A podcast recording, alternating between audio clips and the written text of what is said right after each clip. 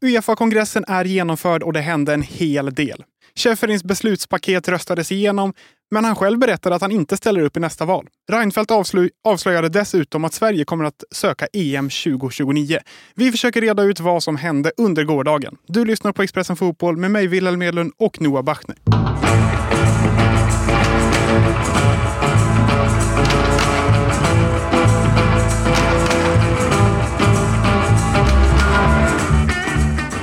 Noah, hur känns det? Nu är den här kongressen genomförd. Har du eh, hämtat andan tänkte jag säga, för det hände en hel del.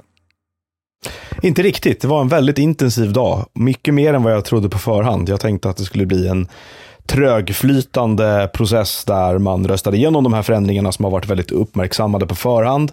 Men istället så blev det ju ett skådespel som ju egentligen bara den internationella fotbollens politiker är kapabla till känns det som. Och kanske en och annan dokusåpa på kanal 5, vad vet jag. Jag tänker att det är lättast att börja i kronologisk ordning. De här förändringarna som vi har pratat om och som du pratar om nu. Vad var det för förändringar som skulle röstas igenom?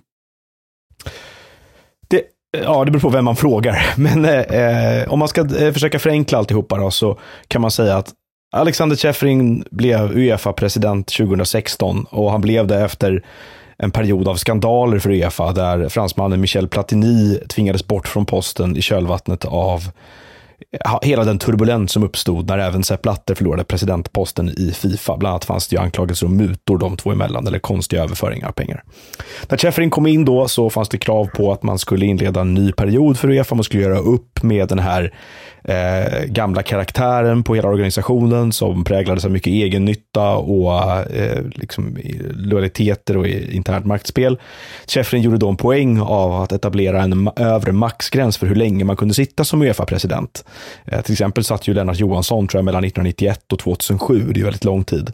Ehm, eh, och den perioden skulle vara på tre mandatperioder om fyra år. Eh, det här infördes 2017. Nu närmade sig Sheffrin då, eller närmade sig, men han gick in på sin sista mandatperiod när han valdes om här förra året. Eh, men när det då var genomfört så kom eh, förslaget från, framfördes av det danska förbundets ordförande Jesper Möller eh, på ett exekutivkommittémöte i höstas. Men förslaget verkar kommit från Sheffrin själv att om man var vald innan de här, den här nya övre gränsen för mandatperioder skulle träda, hade trätt i kraft så skulle man undantas från, alltså skulle Sheffrin kunna stå för omval även 2027. Eh, det går ju att fråga sig då varför det här var viktigt och inte. Varför, varför gjorde man det här om han ändå inte tänkte ställa upp? Men eh, Sheffrin har hela tiden menat att det här handlar om ett förtydligande av någonting som redan står i stadgarna, medan hans kritiker, bland annat då fotbollschefen Svanemir Boban, som valde att avgå för två veckor sedan i protest mot det här, säger att det handlar om vad man på engelska skulle kalla för en power grab, det vill säga att Jeffrey har blivit förtjust i makten. Han är inte intresserad av att lämna den här posten redan om tre år, utan han vill sitta kvar hela vägen till 2031, då han skulle ha avverkat 15 år på presidentposten. Finns det något facit då? Gjorde han det för att han var maktgalen, säger jag slarvigt, eller gjorde han det för att någon annan anledning?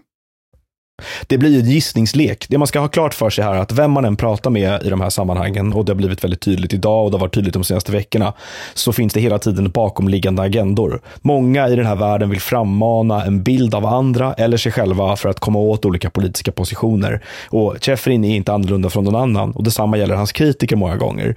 Vad var Svanemir Bobans eh, motiv när han gjorde på det här sättet? Han har lämnat flera poster i sitt liv och han har eh, en historia av att vara ganska dramatisk av sig. Eh, samma sak gäller när man lyssnar till inställningen från olika nationsförbund. En del har ambitionen att komma åt maktpositioner i Uefa och vill därför framstå som ganska lojala mot Sheffrin. Andra har inte lika mycket att förlora, är mer kritiska. En, eh, en tredje kategori kanske håller sig från att säga någonting för att de har andra planer på att söka mästerskap eller så. Så att det är otroligt svårt att veta vad Sheffrin egentligen ville med allt det här. En gissning från min sida är att han, eh, oklart hur det blev så, men tog tillfället i akt idag att försöka komma ur det som eh, en good guy med tanke på hur mycket kritik han har fått. Det här paketet röstades igenom. Det blev som Shefferin ville. Men det fanns kritiker. Trots det var det en väldigt tydlig majoritet som röstade för. Varför var det inte fler som röstade emot om det nu är folk som tycker på andra sätt? Det finns ett par anledningar till det. Det ena var att den här stadgeförändringen bakades ihop med en lång rad andra. Den mest anmärkningsvärda av dem kan man säga kanske var att man ökade antalet plats, äh, inkvoterade platser för kvinnor i exekutivkommittén från en till två av 20 ska sägas. Äh, så det, vi talar inte om någon jämställdhetsrevolution i Uefa, inte heller denna dag. Äh, det gjorde att det blev svårare för, dem, för många länder kanske att rösta nej till hela paketet av förändringar med tanke på att det fanns förändringar som alla enkelt kunde ställa upp på. Eh, eh, ett annat skäl är att jag tror att en hel del personer gjorde, en hel del nationsförbund gjorde tolkningen av den här förändringen att det spelar ingen vidare roll. De gillar Cheferin. De ser inte problemet med det här. De har retroaktiva förändringar av lagar och stadgar i sin egen eh, liksom, juridik kring förbunden. Och ett tredje skäl är att även de som var missnöjda insåg ganska snabbt att majoriteten av förbunden skulle ställa upp på Cheferins eh, beslut. Det fanns med andra ord väldigt lite att vinna på att ta den här kampen som i det stora hela kanske kan framstå som lite betydelselös. Välkommen till Coolbet där spänningen aldrig tar slut och underhållningen står i centrum. Här får du inte bara Sveriges bästa fotbollsodds. Du får också en spelupplevelse som är rättvis, transparent och framförallt rolig. För oss handlar det om mer än bara spel. Det handlar om att ta en paus, att våga chansa och att kanske vinna stort. Det oväntade gör varje ögonblick unikt. För dig över 18 år, stödlinjen.se.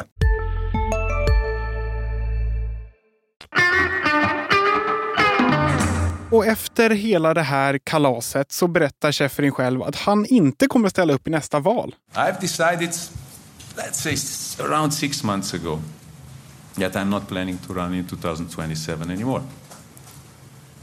The reason is that after some time, every organization needs fresh blood, but mainly because I was away from my family for seven years now, and I will be away from them for three more till 27. My family knew it first. And then I told just some of my friends and colleagues. Ja, precis. Han eh, lämnade ju då kongressen och begav sig till en presskonferens eh, några rum bort. Där han snabbt meddelade att han inte tänker ställa upp för omval 2027. Han är färdig. Han sa att han känner sig trött. Han sa att han var trött på, vad var det, pandemier och Super League och andra problem eh, som har drabbat hans period. Sen gick han till fullskalig attack på vissa medier, får man säga. Han sa att eh, medierna har ignorerat förslaget om att eh, öka eh, antalet kvinnor i exekutivkommittén och borde skriva mer om jämställdhet. Och han sa att Svanimir Boban var en narcissist som hade ägnat sig åt patetiskt gråtande. Alltså var han väldigt arg, väldigt kort. Han tog tre frågor och sen lämnade han podiet. Just one sentence about his pathetic cry about morality. He was one of the rare persons that knew that I'm not planning to run in 2027. The moment he got the info that I will disclose it after the Congress, he went out with his narcissistic letter. He could not wait because after my disclosure, his whining would no, not make any sense anymore. Now think whose personal aspirations are in question and think whose morality is in question. But that's even too much for a person like that. So, to conclude, I'm very happy that I could finally explain my point of view. In the future, it would be good that I could do it earlier. I can always look myself in the mirror. And I have a beautiful life in football, I have a beautiful life out of football as well. So, this is from my side. Three questions. Är du förvånad över hans sätt att hantera det på något sätt? För det tycks ju som att han har tagit åt sig på något sätt av kritiken som har funnits, eller? Ja, det får man verkligen säga att han har gjort. Eh, han känner sig, verkar känna sig kränkt. Eh, det finns väl två tolkningar av det. Det ena är då om man tar, gör tolkningen att han inte hade de här intentionerna och känner sig orättvist anklagad. Mm. Samtidigt så är han så pass defensiv i det hela att det känns som att det är mer på spel. Eh, han skällde ju även på bilden av ett splittrat Uefa. Han menade då att idag var en demonstration av ett enat Uefa med tanke på att alla röstade för de här förändringarna. Men ja, det är klart att det är anmärkningsvärt att en av världens mäktigaste fotbollspolitiker blir så här förbannad och känslomässig. Eh, och, och, på det hela taget kan man väl tycka att, sådär att eh, hur, är det verkligen tvunget att vara så här att de här kongresserna och den här världen ska vara så full av personliga intriger och maktspel hela tiden. Det är ju, kan ju omöjligt vara eh, syftet med att de träffas här i Paris. Du sa tidigare att det finns agendor bakom allt alla gör så gott som. Kan vi lita på att han inte kommer att vara med när det väl ska väljas en ny president 2027? Nej, det skulle kännas naivt att utesluta det. Eh, han hade känts som att eh, det är fortfarande tre år kvar till det där valet. Mycket kan hända, mycket har hänt de senaste tre åren. Eh, jag tror inte alls att man ska utesluta att eh, det här förändrar sig fram till dess. Finns det några alternativ då? Vilka kan söka? Eller vilka kan kandidera snarare? Ja, vem som helst inom Uefa kan kandidera. Det det låter som om man lyssnar på bland annat Fredrik Reinfeldt är ju att eh, signalen inifrån, det, det, finns ofta en sorts successionsordning i de här sammanhangen, det vill säga någon som står på tur, någon som är det naturliga nästa valet. Vem den personen är är svårt att svara på. Det har pratats mycket om eh, en, en rumänsk eh, medlem av exekutivkommittén här de senaste månaderna som en som en kandidat helt enkelt till att ersätta Sheffrin om missnöjet med honom skulle bli för stort. Sheffrin har ju fått mycket kritik för olika saker här de senaste åren, bland annat att han har tillsatt väldigt många vänner och affärskollegor från Slovenien på viktiga poster inom Uefa. Det har varit en återkommande kritik och den är liksom ganska rimlig. Det har flödat in personer från den kategorin i, i den här organisationen. Eh, en annan grej har varit att eh, Uefa Eh, misslyckats totalt med säkerhetsarrangemangen runt Champions League-finalerna 2022-2023. Eh, han har inte lyckats klara av att tygla multiklubbsnätverkens utbildning och så vidare. Eh, då har den här rumänska eh, delegaten eh, lyft fram det verkar som att det finns många förbund inom Östeuropa som har kandidater som kan ligga rätt bra till. Och Reinfeldt sa ordagrant till oss när vi träffade honom här idag att han har förstått det som att det är där man kommer leta härnäst. När han står där och pratar så berättar han ju mycket, som du säger, han är arg på mycket en sak han är arg på verkar ju vara den moderna fotbollen. Han säger så här att de försöker rädda fotbollen men de gräver dess grav och syftar till exempel på eh, de här nya ligorna och superligorna. Han kallar den för zombie leagues och lite sådär. Now, right now, some people are trying to trample of, on 70 years of history.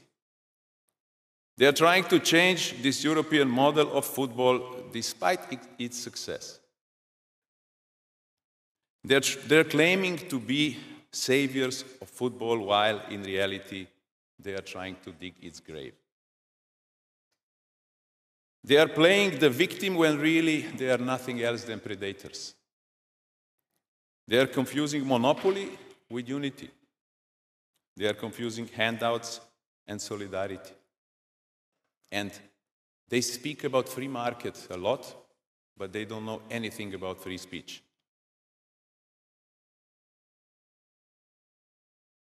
Clubs are free to enter new competition if they want to. Nobody wants to stop them. Nobody ever told them they can't do it. They can each do whatever they like. Even join, join the league that English fans call Zombie League. Ja, nej, men han projicerar ju väldigt mycket av den moderna fotbollens negativa sidor på Super League-gänget. Och när han kritiserar Super League, han går ju till attack på Super League, Super League liksom företaget A22 och hela idén om en superliga och Florentino Perez och de här som ligger bakom det. Eh, och när han gör det så börjar han dela upp fotbollen i två olika idéer ganska mycket. Där den ena handlar om att man värnar sportens kärnvärden och den europeiska fotbollstraditionen och vad fotbollen betyder för Europa. Eh, och på den andra sidan då så finns det som han målar som en sorts makthungrigt, girigt, eh, väldigt ekonomiskt och kommersiellt drivet eh, som är någonting som han inte vill veta av och som Uefa skulle ta starkt avstånd ifrån. Det svåra för många tror jag som har följt utvecklingen inom europeisk fotboll de senaste decennierna, det är ju att se vad skillnaden är. Därför att eh, man ska komma ihåg att Superliga är liksom ingenting som damp ner från eh, rymden eh, i knät på Europa, utan det är ju en konsekvens av att Europa är otroligt splittrat av ekonomisk polarisering, där vissa ligor och klubbar har dragit ifrån andra och det finns ett missnöje med hur den här balansen har vårdats, inte minst från Uefa. Så att eh, Sheffrin höll ju även något annat anförande där, där han pratade om att ja, men de här superliga-människorna, de är för free markets, men de är inte för free speech. Och det skulle väl finnas ganska många inom Europa, tror jag, som menar att Uefa kanske inte är liksom det fria ordets främsta försvarare heller, eller att det är transparens och öppenhet som liksom förkroppsligar hela den organisationen. Eh, och sen så sa han ju det här som är fullständigt bisarrt, att Eh, I de här människornas värld så är all, vi alla bara konsumenter och ingenting mer. Men eh, vi vet att, att liksom så är inte fallet i europeisk fotboll. Och jag menar, det är ju fullständigt, fullständigt obegripligt vad han menar. Eh, han har sagt sådana här saker tidigare, att fotbollen minsann inte är en industri. Eh, alltså, det är klart att den är. Och eh, ska vi vara helt ärliga så är det ju tre länder i Europa som har en fotboll som inte är liksom uppbyggd utifrån ett kund-leverantörsförhållande. Och det är Sverige, Norge och Tyskland som har medlemsägda klubbar där Eh, du är lika mycket värd för klubben oavsett hur många halsdukar du köper i klubbshoppen. Men eh, så är det ju inte i, i de andra klubbarna. Där är det ju numera multinationella koncerner och företag som driver klubbarna och som är väldigt intresserade av att, att bearbeta sina, sina villkorslöst lojala kunder till högre lönsamhet. Det är bara att liksom lyssna i tre minuter på vad till exempel amerikanska klubbägare ofta säger. Så att, för mig är det en, en, en eh, fullständigt bisarr verklighetsbeskrivning som han ger sig på. Många har ju också reagerat på det här han säger med att man inte kan köpa fotboll för pengar och sådär. Samtidigt sitter Nasser Khalaifi som är vd för PSG några stolar bort från honom. Är det ingen som liksom kan säga emot? Är det ingen som reagerar på det här? Nej, och jag menar det, det, det, där är också det här att Uefa då skulle stå för en fotboll som inte är till salu. För tre månader sedan satt Sheffield i en intervju med den amerikanska sportpodden Men in Blazers och sa att han är väldigt intresserad av möjligheten att spela en europeisk cupfinal i USA. Alltså är europeisk fotboll i allra högsta grad till salu, därför det enda skälet till att spela den där är att öka intäkterna. Så det, det, det där stämmer heller inte. Eh, säga emot? Nej, alltså det finns två olika tryck som skulle kunna sättas på den här typen av uttalanden eller eh, två olika typer av ansvarsutkrävanden. Den ena är internt i Uefa och den andra är externt som jag ser det. Internt i Uefa så finns det en maktstruktur och ett maktspel som gör att Sheffrin har gjort sig själv liksom ja, skottsäker. Alltså det, det finns i, inte mycket kommer åt honom. Det vi såg idag, den här protesten från England, den är ju väldigt snäll på något sätt. Att de eh, som enda förbund håller upp ett rött kort till de här förändringarna av principskäl. Utifrån sett så saknar för många fotbollsnationer i Europa demokratiska strukturer för att påverka det här, skulle jag säga. Eh, det är heller liksom, makten känns som att den är för långt borta i mångas mening tror jag. Eh, de här sakerna sägs, de här olika konstiga reformerna införs. Eh, det sker förändringar i Champions League-format, i regelverk. Eh, olika konstiga grejer händer hela tiden. Matcher flyttas till andra kontinenter. Och en betydande del av den europeiska supportrörelsen är förbannad. Alltså en betydande, en betydande del skulle jag säga, tror jag, i min bild i alla fall, av de fotbollsintresserade personerna i Europa som ändå är på något sätt aktörer i allt det här tycker inte att allt är toppen. Men den absoluta majoriteten känner sig helt uppgiven inför det här bara pågår. Så att vem och vad som ska säga till Sheffrin att det du säger stämmer inte, det är svårt att svara på. Som sagt, han tog tre frågor på presskonferensen idag.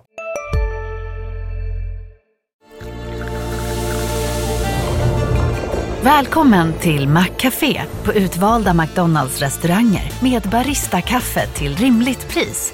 Vad sägs om en latte eller cappuccino för bara 35 kronor? Alltid gjorda av våra utbildade baristor.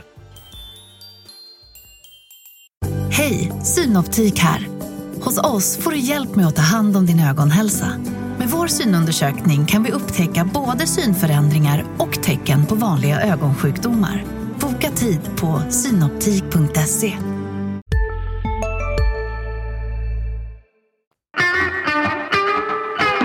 Och när Uefa-kongressen var slut så var inte dagen slut för att då passade Fredrik Reinfeldt och Jesper Möller, hans danska motsvarighet, på att kalla till presskonferens. För de hade också saker att berätta, eller hur Noah? Ett, ett överraskande drag som jag inte var beredd på när kongressen tog slut och att, att eh, Sverige och Danmark eh, skulle sätta sig ner tillsammans på eh, Hotel Selectioneur eh, en bit bort från eh, kongressen här eh, och berätta någonting nytt helt enkelt. Eh, och det var ju då att de gemensamt vill söka EM för damer 2029. Eh, och det här ska ju ses i ljuset av två grejer. Det ena är att det första budet på, den här, på det här EM-slutspelet inkom från Sverige och Danmark tillsammans med Norge och Finland 2025. det ska ju enligt den norska tidningen Josimar också ha varit en del av den den liksom uppgörelsen, eller vad man ska kalla det för, som gjorde att Sverige ställde sig bakom Alexander Tjefrin när han valde 2016 eh, i någon sorts paket där Karl-Erik Nilsson lovades, utlovades en maktposition eh, inom Uefa. Det vill säga att Tjefrin skulle, och, och, andra nationsförbund skulle hjälpa till och se till att han röstades in till den positionen. Han blev sen också vicepresident under 20, eh, 2017. Men också att Sverige, Norge och Danmark skulle ha eh, en bra möjlighet att få söka och få EM 2025. Men det fick de inte, utan det gick ut som bekant till Schweiz istället. Så det här är ett ett nytt bud då, där Sverige och Danmark har tittat på varför man inte fick turneringen senast. Konstaterat att ja, det var utspritt över, eh, över fyra länder. Det ansågs vara lite för spretigt. Arenakvaliteten var någonting som också hade kommenterats på då, där man upplever att arenaparken i Danmark och Sverige möter de här kraven på ett bättre sätt. Jesper Möller pratade också om utvecklingsprojekt i bland annat Ålborg som ska till då inför eh, att man står som värdland för den här typen av turnering. Ska vi vara hoppfulla och taggade på att det kanske blir EM inom några år i Sverige och Danmark? Eller ska vi vara rädda att det blir som med typ OS och diverse andra ansökningar, att vi bara blir visade den kalla handen när det väl är dags att välja en värdnation? Väldigt tidigt att svara på, men jag skulle väl säga att det finns en hel del saker som talar till Sverige och Danmarks fördel här. Eh, inte minst det faktum att båda länderna har förhållit sig väldigt lojala och trogna Uefa-ledningen under de senaste åren. Eh, och att både Möller och Karl-Erik Nilsson innehar maktpositioner högt upp i Uefa. Så att, eh, och sånt brukar betyda mycket eh, i de här sammanhangen. Att man också då presenterar ett mer ett bud med högre densitet än tidigare. Och kanske att man inte har med sig då det som i Uefa-kretsar betraktas som bråkstaken Norge. Eh, som ju under Lise Klaveness ledning har varit mer högljudda och kritiska mot mycket saker. Eh, i, I den krassa verkligheten som råder här så kanske sånt inte ökar möjligheten att man får arrangera mästerskap heller. Så att eh, Danmark och Sverige verkar ha, ha och det ska väl sägas också att Norges reaktion på det här, Klaveness reaktion på det här var ju att säga att vi vill visst vara med. Eh, man är väldigt intresserad av att få vara med och samarrangera det här och det var ingenting som Reinfeldt liksom uteslöt. Men Jesper Möller hade också skickats upp till Oslo för att berätta det här för så att Sverige och Danmark tänkte gå fram själva med ett bud. Vilken är den tydligaste anledningen att Norge inte är med när de själva säger att de vill vara med? då?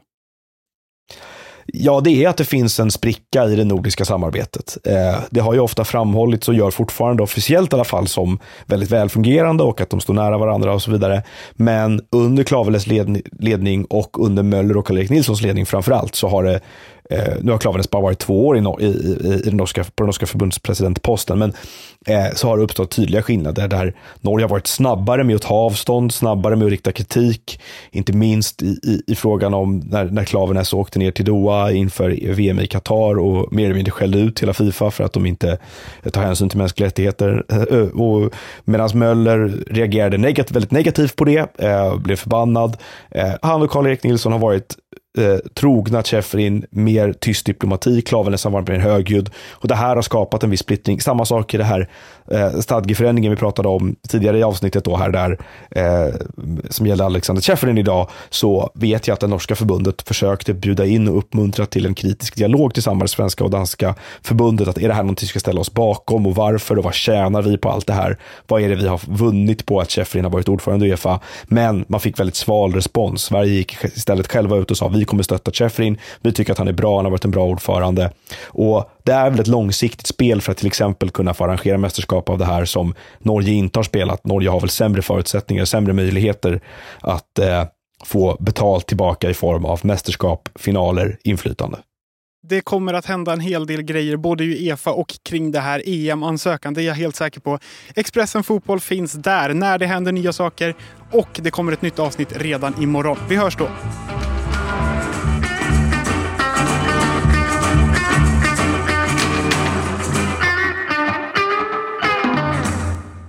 Du har lyssnat på en podd från Expressen. Ansvarig utgivare är Klas Granström.